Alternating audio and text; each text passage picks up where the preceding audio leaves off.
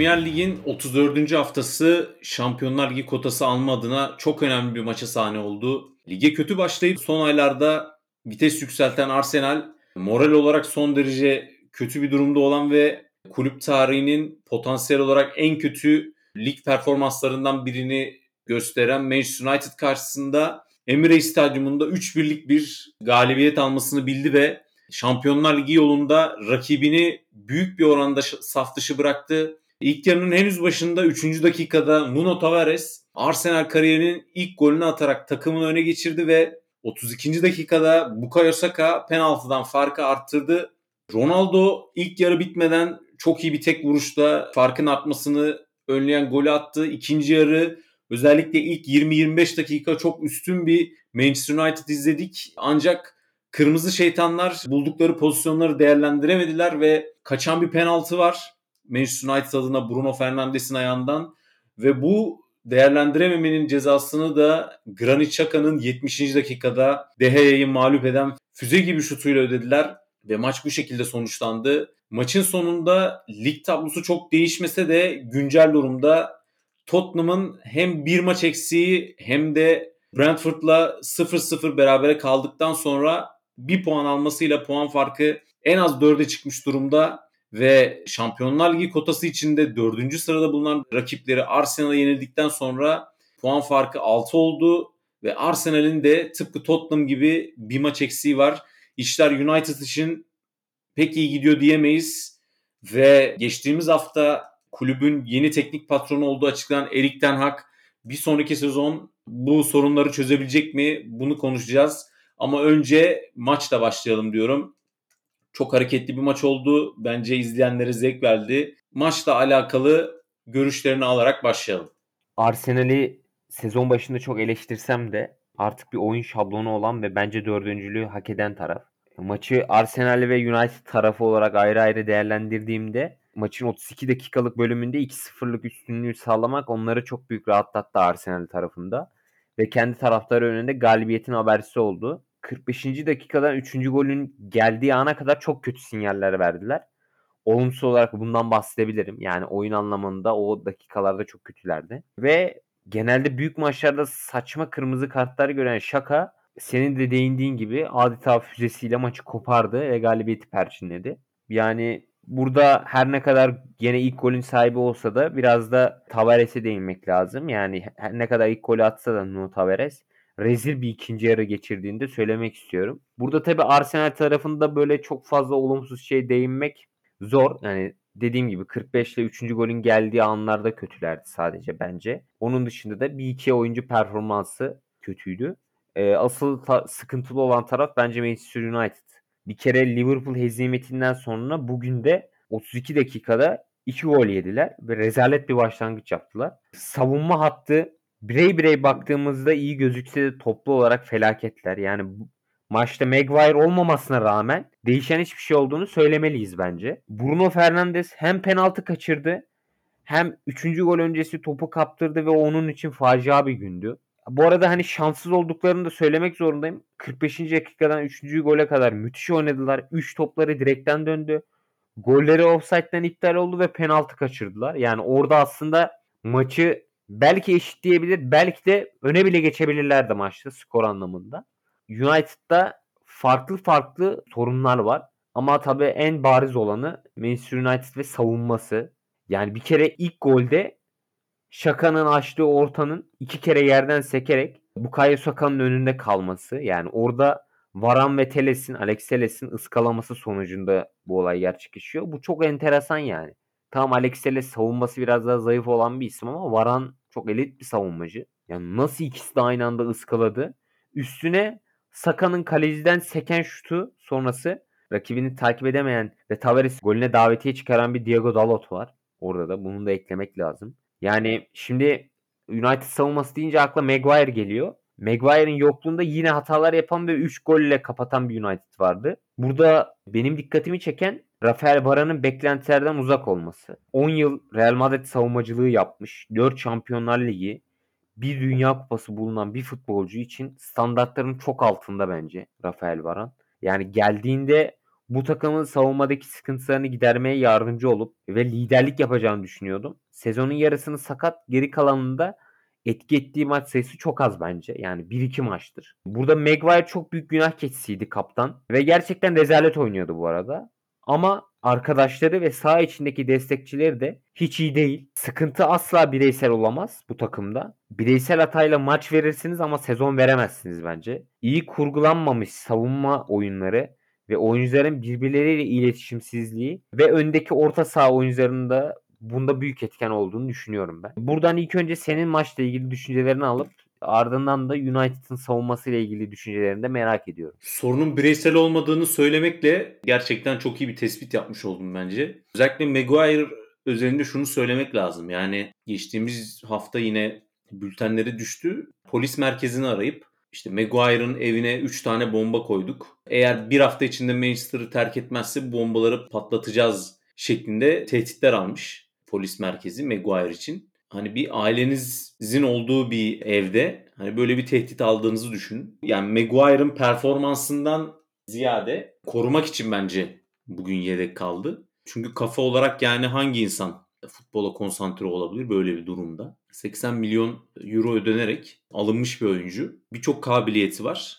Ama herkesin, yani her oyuncunun kötü bir sezon olabilir. Maguire için de kötü bir sezon bu. Ama ölüm tehdidi almak yani bomba tehdidi almak bence Manchester United için çok da yardımcı olmayacak. Yani onun dışında Cristiano Ronaldo gerçekten takdir edilisi bir profesyonellikle maça çıktı ve golünü de attı. O da geçtiğimiz hafta dünyaya gelen ikizlerinden birini kaybetti. Böyle bir durumda maça çıkmak Liverpool maçında yoktu zaten. Ama bu hafta yani gerçekten de profesyonellik açısından müthiş bir örnek sergiledi diyebiliriz. Tabii yani taraftarların da 7. dakikada kalkıp Ronaldo'yu alkışlaması güzel bir jest. E, maça gelecek olursak iki takım da diziliş olarak bizi şaşırtmadı. Yani Arsenal tipik 4-2-3-1, Manchester United da aynı dizilişle sahaya çıktı. Burada değişen Thomas Partey'nin yokluğunda Elneny müthiş bir performans sergiledi. Yani yokluğunu aratmadı değil. Hani belki de Partey'nin ortalama performansının çok üstüne çıktı bu maçta. Elneni zaten bir asist de yaptı ama yani hani o ne kadar asist sayılır tartışılır. Sonuçta şaka yani 30 metreden vurdu Olur'a. Manchester United'da Maguire dışında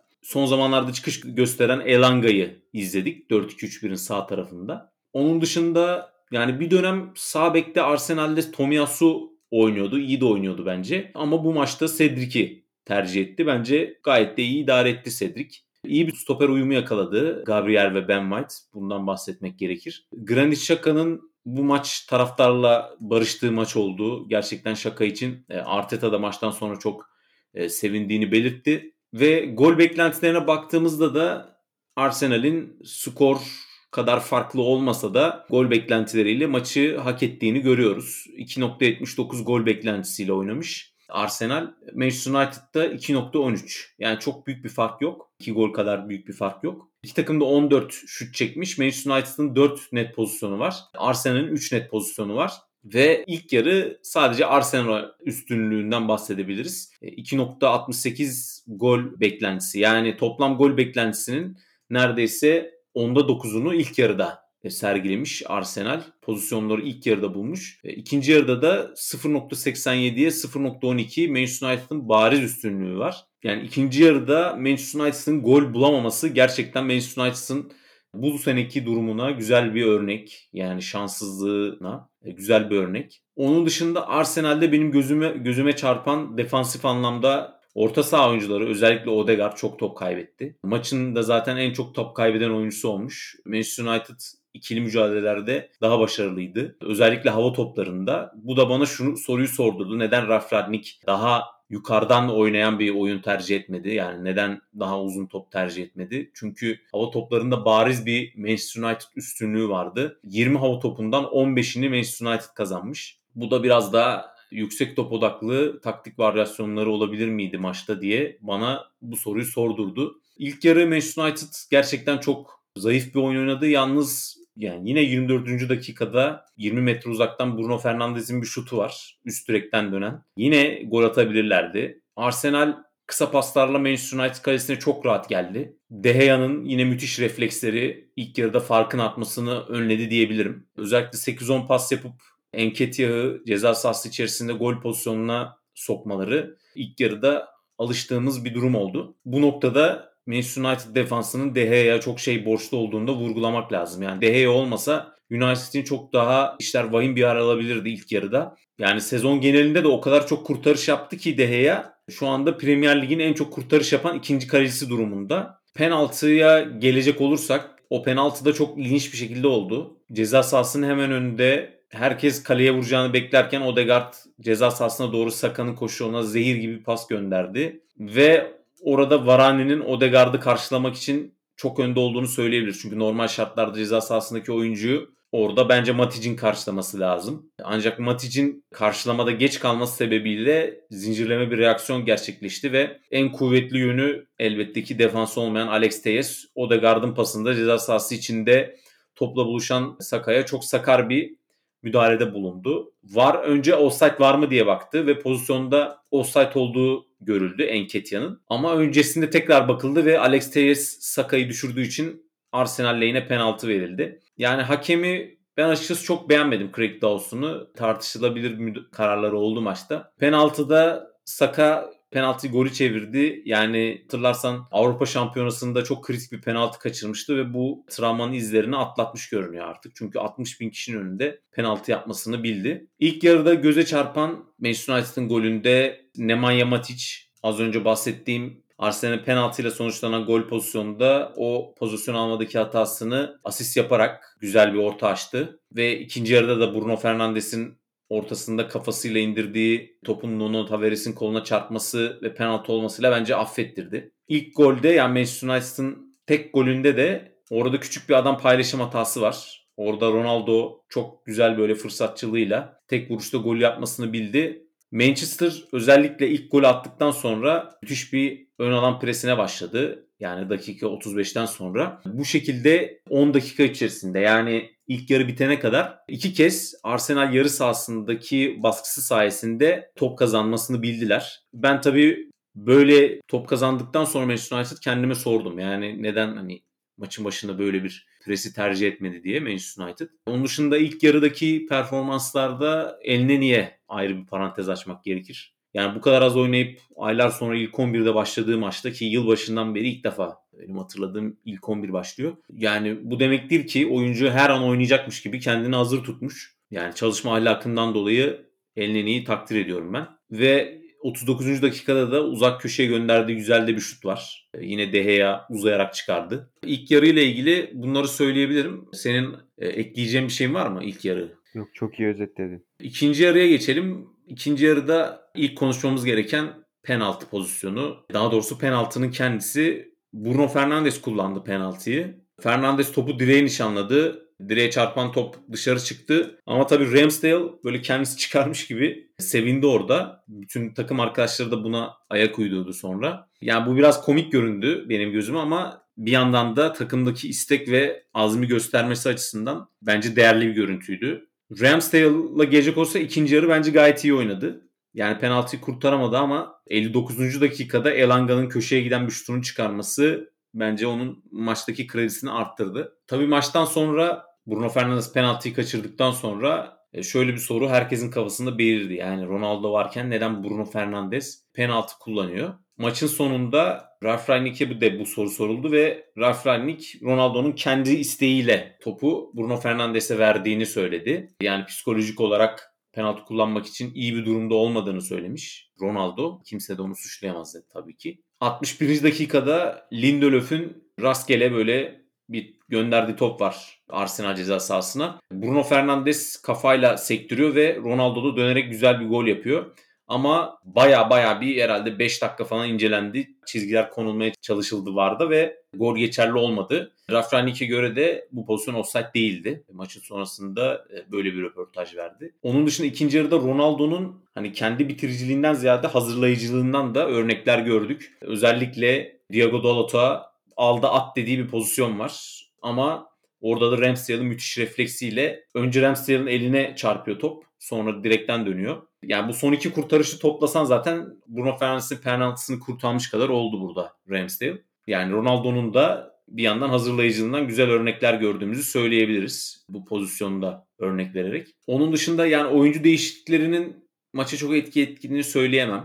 Onu da ayrıca konuşalım. Ralf Rangnick biraz geç kaldı oyuna tepki vermede. Yani dakika 77 miydi 78 miydi ilk oyuncu değişikliği. Bruno Fernandes her ne kadar yani defansif anlamda çok çalışkan olsa da bence çok kötü bir maç geçirdi. Ve yani dakika 76'da kendini attırabilirdi de. E, Tavares'in ayağına yaptığı çok sert bir müdahale var. Ve Rafranik çok iyi sabretti bence Fernandes'e dakika 84'e kadar. Alex Tejes yani defansif anlamda bu maçta saatli bomba gibiydi. Arteta da zaten bunun farkına vardı ve maçtan önce hem maç içerisinde hem maçtan önce ve baktığımız zaman Arsenal'in ataklarının yarısı sağ kanattan gelmiş. Yani Alex Tejes'in kanadından. %53 oranında sağ kanattan atak yapmış Arsenal. Yani bu çok çarpıcı bir rakam. İki takımın da özellikle ilk ikinci yarıda çok açık oynadığını söylememiz lazım. Yani defansif aksiyon başına izin verilen paslarda PPDA yani kısaltması Arsenal'in 15.27 Manchester United'ın da 17.63. Yani bu da iki takımın da birbirine bol bol pozisyon verdiği anlamına geliyor. Yani ikinci yarıyla alakalı da genel olarak bu şekilde özetleyebilirim ben. Oyuncu değişikliklerine gelelim. Yani Arteta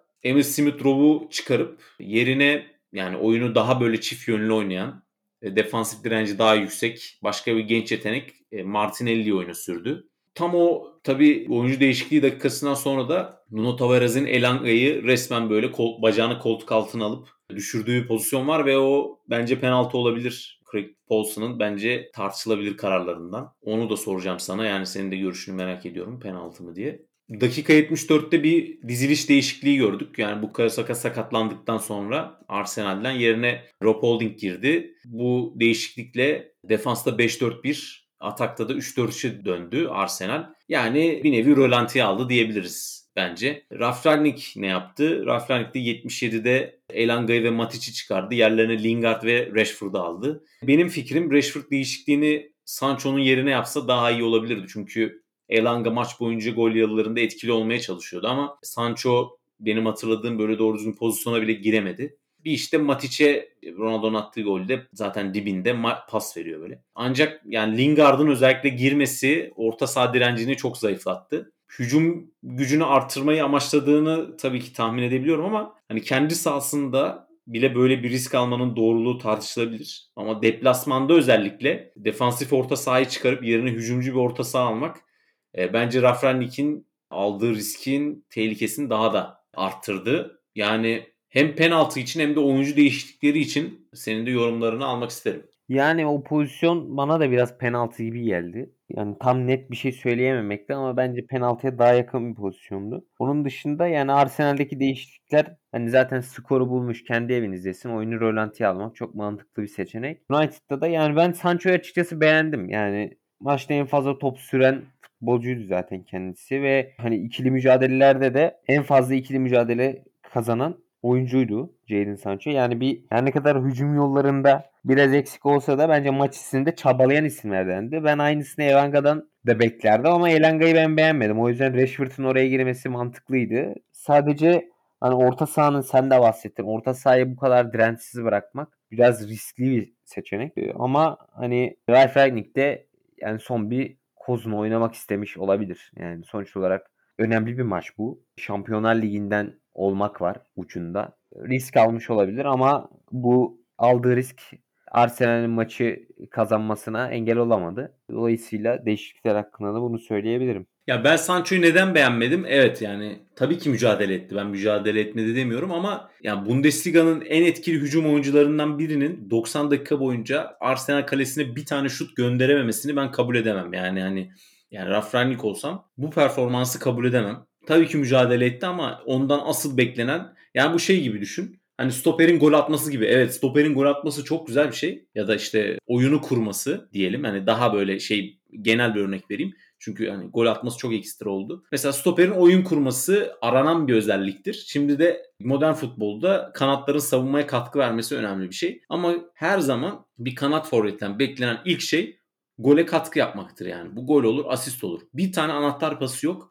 Bir tane şutu yok. Dolayısıyla ben Sancho'yu beğenmedim. Oyunun diğer taraflarında yani aksesuar taraflarında çok iyiydi. Hani bir kanat için aksesuar taraflarında çok iyiydi. Onun dışında yani Manchester United için gerçekten kara bulutlar tepede diyebiliriz. Yani kalan 4 maçını da kazansa puanları 66 oluyor. Ve bu maçlardan en az 10 puan almaları gerek. Yoksa yani Alex Ferguson'dan sonra göreve gelen David Moyes sezonundan bile daha kötü bir sezon performansı geçirip tarihe geçecekler. Ve tabii Chelsea ile de maçları var. En az o maçtan da bir beraberlik almak zorundalar. Rekor kırmak istemiyorlarsa negatif anlamda. Ve özellikle Ralf Rangnick'in de hani bu basın toplantısında bence olumlu konuştu. Tabii ki ilk 4 şansının yitirilip yitirilmediği sorulduğunda bu maçtan sonra ilk 4 şansımızı yitirdik dedi. Orada bir darbeyi vurdu ama oyuncularını savundu. Daha önce ama oyuncularını böyle kapalı bir şekilde eleştiriyordu yani basın toplantılarında. Hem oyuncular Ralf Rangnick'ten hem Ralf Rangnick oyunculardan tam güvenmiyorlar yani birbirlerine. E, bu da benim hani Manchester United'ın sezon sonuna kadar bu yokuş aşağı gidişinin devam edeceği konusundaki tahminlerimi güçlendiriyor.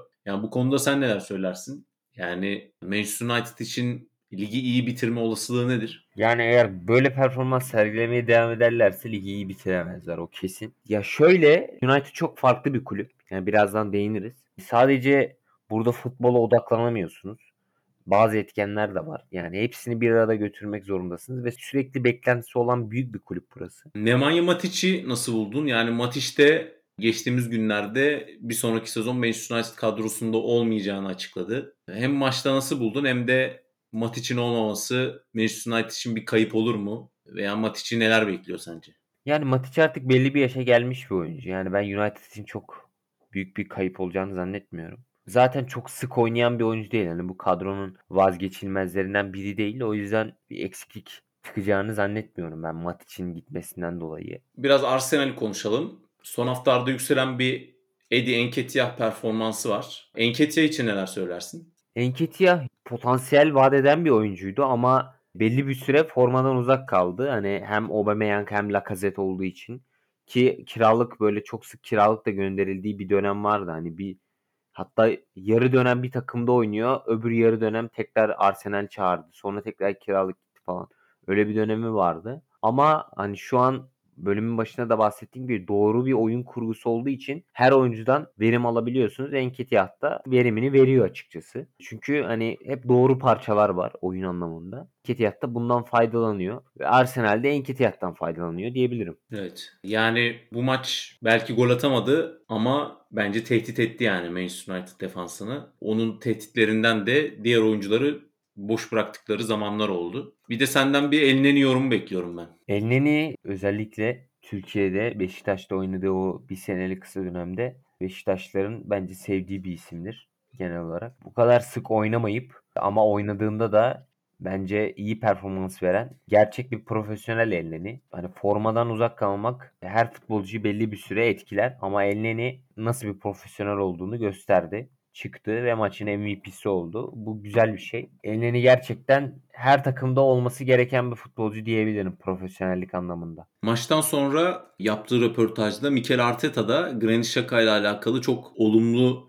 yorumlarda bulundu. Özellikle taraftarla barışmasına çok sevindi. Yani golden sonra da taraftarlar ayakta alkışladı şakayı. Sen de hatırlarsın bundan yaklaşık 2 sene önce kaptanlık pazu bandını yere atıp dışarı çıkmıştı oyundan ve ondan sonra da taraftarla yıldızları barışmamıştı. Bu golle yeni bir ilişki başlamış görünüyor Şaka ve Arsenal taraftar arasında ve Mikel Arteta da yani çok çarpıcı bir şekilde ve çok açık bir şekilde kurmak istediğimiz Arsenal'in yani bu gençlerle, genç yeteneklerle, alt akademiden gelenlerle kurmak istediğimiz Arsenal'in tecrübe anlamında merkeze koymak istiyorum Granit Şaka'yı. Granit Şaka bizim için çok önemli dedi. Arteta'nın bu açıklamalarıyla ilgili neler söylersin? Yani Granit Xhaka'yı merkeze alarak bir Arsenal kurmak akıllıca mı?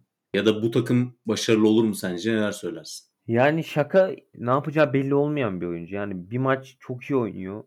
Öbür maç çok farklı bir performans sergiliyor. Yani bir takımın merkezinde olması büyük bir risk ama hani bir genç bir takımda olması gereken bir oyuncu diyebilirim ama bir, yeni bir kurulacak takımın veya gelecek vaat eden bir takımın merkezinde olması bana biraz riskli gibi geliyor. Peki sence Arsenal'in ideal stoper ikilisi kim ve kim olur? Yani ben açıkçası Gabriel ve Ben White'ın bu maç uyumlarını beğendim. Ki yani bence de şu andaki kadroya baktığımızda ideal stoper ikilisi Gabriel ve Ben White olması en uygunu bir görünüyor bana. Yani e, Ben White'ın böyle ayakları biraz daha hafif ve böyle driplingle topu ileri taşımayı becerebilen bir stoper. Gabriel de daha böyle top kazanan, yırtıcı, agresif böyle bir stoper. Tomiyasu'yu da çok yetenekli buluyorum ama onu böyle hani özellikle Kieran Tierney'nin denklemde olduğu sol bekte hücumcu olarak yani hücumcu bir sol bek olarak öyle bir denklemde dengeleyici unsur olarak sağ bekte ben daha çok yakıştırıyorum Tomiyasu'yu. Arsenal'in ideal stoper ikilisi konusunda senin alternatif bir görüşün olur mu ya da bu görüşe yani benim görüşüme ekleyeceğim bir şey var mı? Yok yani burada sana katılmaktan başka yapacak hiçbir şeyim yok. Çünkü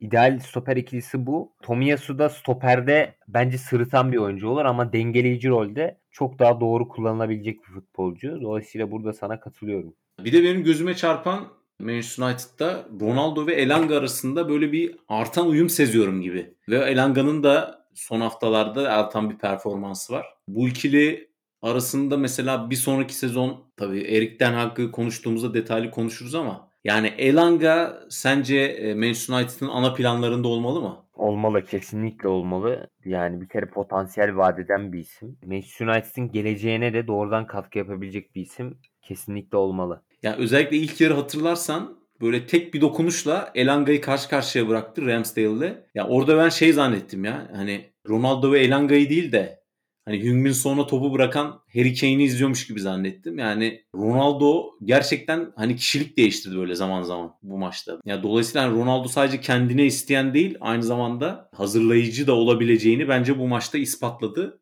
Biraz da Erik Ten Hag'ı konuşalım. Birkaç haftadır haberlerde adı geçiyordu ve e, geçtiğimiz haftada Manchester United cephesinden resmi açıklama geldi. Erik Ten Hag'la sözleşme imzalandı ve 2022-2023 sezonundan başlayarak Erik Ten Hag Manchester United'ın başına geçecek. Ve e, çok şaşırtıcı bir şekilde tıpkı bir futbolcu transfer eder gibi Erik Ten Hag'ın serbest kalma bedelini ödedi e, Manchester United. Yani çünkü 2021 Nisan ayında çok başarılı bir Ajax kariyeri sonucunda Ajax yönetimi onu yeni sözleşmeyle ödüllendirmişti. E, ve bu sözleşmedeki maddelerden biri olan serbest kalma bedelini Manchester United ödedi. Yani Ajax'ın 100 galibiyete en hızlı ulaşan teknik direktörü olarak tarihe geçen bir Erik Ten Hag. Tabi soru işaretleri de var.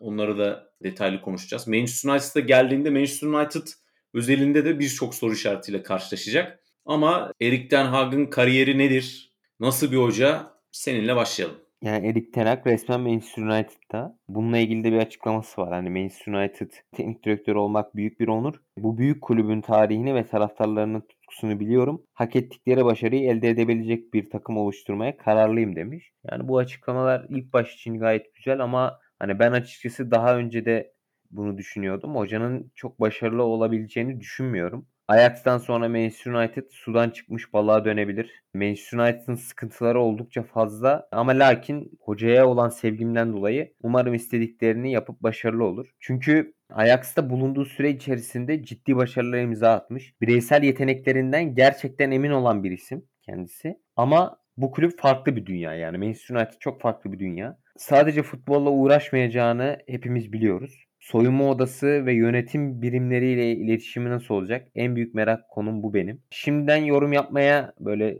bu konu üzerinde yorum yapmaya çok gerek yok. Hayırlısı olsun diyelim. Ya bu sürecin takipçisi olacağız hepimiz. Taktiksel anlamda da Erik Ten Hag'ı araştırdığımda benim çok beğendiğim bir oyun anlayışı var. Ajax'ın başında ge- geçirdiği dönemlerde nasıl bir oyun planı benimsediğini ben biraz anlatmaya çalışacağım. 4-2-3-1 e, ve 4-3-3 ile oyun kurulumu yapan bir teknik direktör. Ajax'a tercih ettiği iki formasyon var. Bunlar bahsettiğim gibi 4-2-3-1 ve 4-3 formasyonları. Bu formasyonlardan hangisini tercih ettiğinden çok sahada benimsedikleri oyun anlayışı çok daha önemli. Erik Ten Hag geriden oyun kurulumuna ve bu şablondaki birçok mikro detaylara önem veren birisi. Genel olarak iki stoper artı bir merkez orta sahayla oyun kurulumunu tercih ediyor. Burada beklerini öne çıkararak stoperlerle stoperlere tempo taşımaları için alan açan Aynı zamanda rakip kenarları da geriye çeken bir yapıları var. Bu yapıda beklerin arkasındaki boşlukları 6 numara pozisyonundaki Alvarez'in stoper arkasına veya stoperlerin sağına girmesiyle sağ bekinin rahatlıkla öne çıkarabilirken sol iç oyuncusu olan Ryan Gravenberg'in de stoperlerin soluna veya Tagliafico'nun yaklaşmasıyla birlikte sol beklerini öne çıkarıyorlar. Eğer rakip yüksek şiddetle baskı yapıyorsa da hemen Alvarez'i stoperlerin arasına çekerek arkayı üçlüyorlar. Bu kurulum ile topu ikinci bölgeye taşıdıktan sonra da merkezde Ajax'ın alan açmaya yönelik sahte koşularını ve hareketliliğini görüyorum. Bu hareketlilik sayesinde de rakibin merkezden rahat delebiliyorlar. Belli bir dönem bu Ajax'ın Şampiyonlar Ligi'nde zirve yaptığı dönemde Tadic'i saf 9 oynatmasıyla birlikte Tadic'in merkeze gelerek artı bir sağladığını da ekleyelim. Yani böyle bir oyun anlayışı da var. Kenar organizasyonlarında ise gerek iki kenarının da half space'lere konumlandırarak bekleriyle oyunu genişletiyor. Gerekse de kenar oyuncularını çizgiye yakın oynatıp Mazraoui ve e, Tagliafico'yu stoper bek arasına koşturuyorlar. Yani Ajax'ın hücum stratejisinde çok fazla geometrik şekiller var. Asimetrik yerleşimlerle de rakibi bozmaya çalışan bir yapıları var. Bu günümüz futbolunda çok önemli bir detay. Yani eğer Erik Tenag'ı yeterli sabır gösterilirse orta vadede tabi sadece sahaya odaklanırsa Erik Ten Hag orta vadede ben Manchester United'ı eski günlerine döndürebileceğine inanıyorum. Evet biraz sert bir giriş yaptın. Çok iyimser değilsin anlaşılan. Yani Ten Hag konusunda. Yani son birkaç senenin herhalde en başarılı teknik patronlarından biri olduğunu söylemek lazım öncelikle. Ve Manchester United'ın kadrosunun en uygun olduğu 4-2-3-1 ve 4-3-3 tarzlarını da benimsemiş bir hoca. Özellikle Ajax'ta çift pivotlu Lasse Schöne ve Frankie de Jong ikilisiyle sağladığı o pivot uyumunu Manchester United'da da yakalayabilir ama tabii o ikili kim olacak? Bence en büyük sorunlardan biri. Pogba Fred mi olacak? Yoksa oraya Van de Beek'i mi eski öğrencisi adapte edecek? Yoksa oraya Frankie de Jong ayarında yeni bir oyuncu mu alınacak? Ya ben açıkçası bireysel olarak Hani tabii ki kadro derinliği Manchester City kadar, Liverpool kadar yok ama hani ilk 11 özelinde ben çok kalite eksikliği görmüyorum açıkçası. Yani Pogba evet kendi yeteneğine göre daha düşük bir performans sergiliyor ama potansiyel açısından yani dünya üzerinde zirve oynayan her takımda var olabilecek bir isim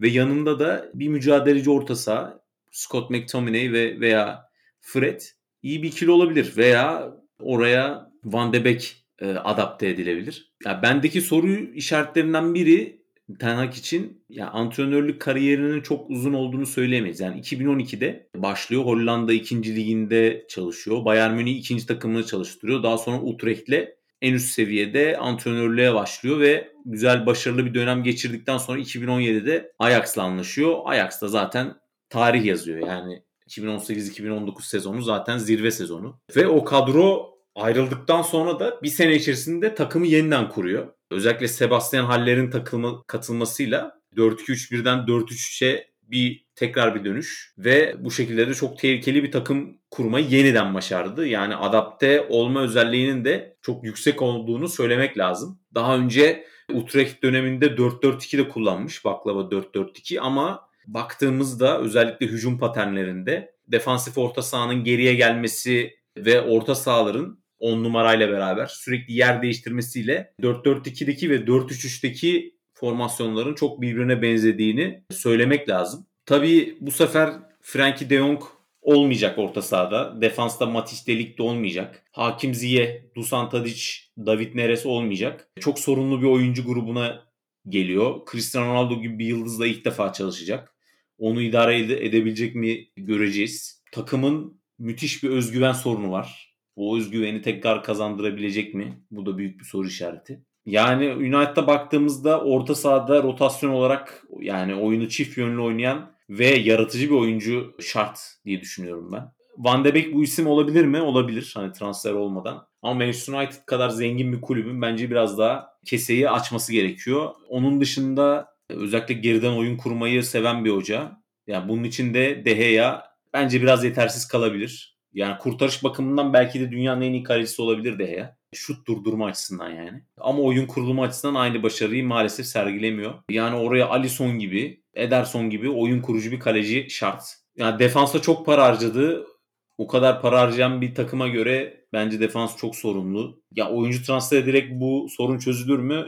Ondan emin değilim. Bence kalite olarak yeterli yani. Hani Maguire çok büyük sorunlar yaşıyor şu anda ama potansiyel baktığımızda yani tam bazen çok hızlı kanat oyuncularına karşı problem yaşıyor ama genel anlamda en elit stoperlerden biri şu anda dünya üzerindeki. Yanına Varane gibi bir tecrübeyle yani bence ideal ikilisini bulur. Luke Shaw sakatlanmadığı sürece Ten Hag'ın takımına bence çok iyi uyar. Yani Luke Shaw'un en büyük zaafı sakatlanması. Onun dışında bence iyi bir yani Ten Hag gelince performansı artabileceğini düşündüğüm ilk oyunculardan biri Luke Shaw. Sağ bekte tabii çözülmesi gereken bir problem var. Diego Dalot var. Van Bissaka 60 milyon sterlin ödendi ve şu anda yedek. Yani açıkçası bu konuda senin de görüşünü merak ediyorum. Yani sağ bekte Ten Hag kimi tercih etmeli? Oraya bir takviye mi gelmeli? Yani bence Van Bissaka ya bu kadar para ödenmişken özellikle ve Van Bissaka'nın özellikle defansif özellikleri bu kadar iyiyken daha hücumcu bir sol bekle Luke Shaw gibi. Ya bence çok da böyle oynamaya gerek yok gibi oyuncu özelinde. Yani sen ne düşünüyorsun? Van Bissaka biraz hücumunu geliştirse aslında komple bir bek oyuncusu olur. Hem de çok iyi olur. Ama hücum konusunda gerçekten neredeyse hiç gelişmedi. Ama hani böyle Luke Shaw'u hücuma götürdüğünüz anlarda veya hücumda Luke Shaw'u hücumda kullandığınız anlarda arkada bir tutucu Van Bissaka hiç fena olmaz. Peki başka yani böyle şuraya şöyle bir oyuncu lazım diyeceğin mevkiler var mı? Ya bir kere hani şuraya yani orta sahayı bir kere mutlaka Ryan Gravenberg'i aldırtırır.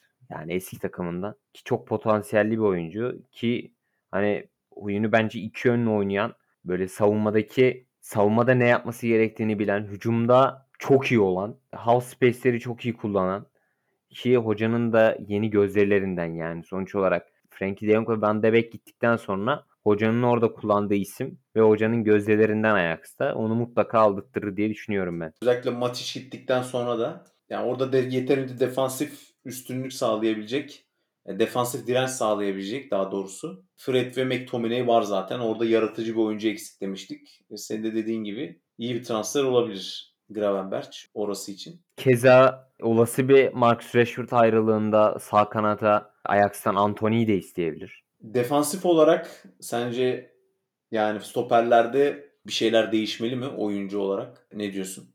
Değişmeli tabii ki. Eğer Rafael Varan eski günlerindeki gibi oynayacaksa Rafael Varan mutlaka kalmalı.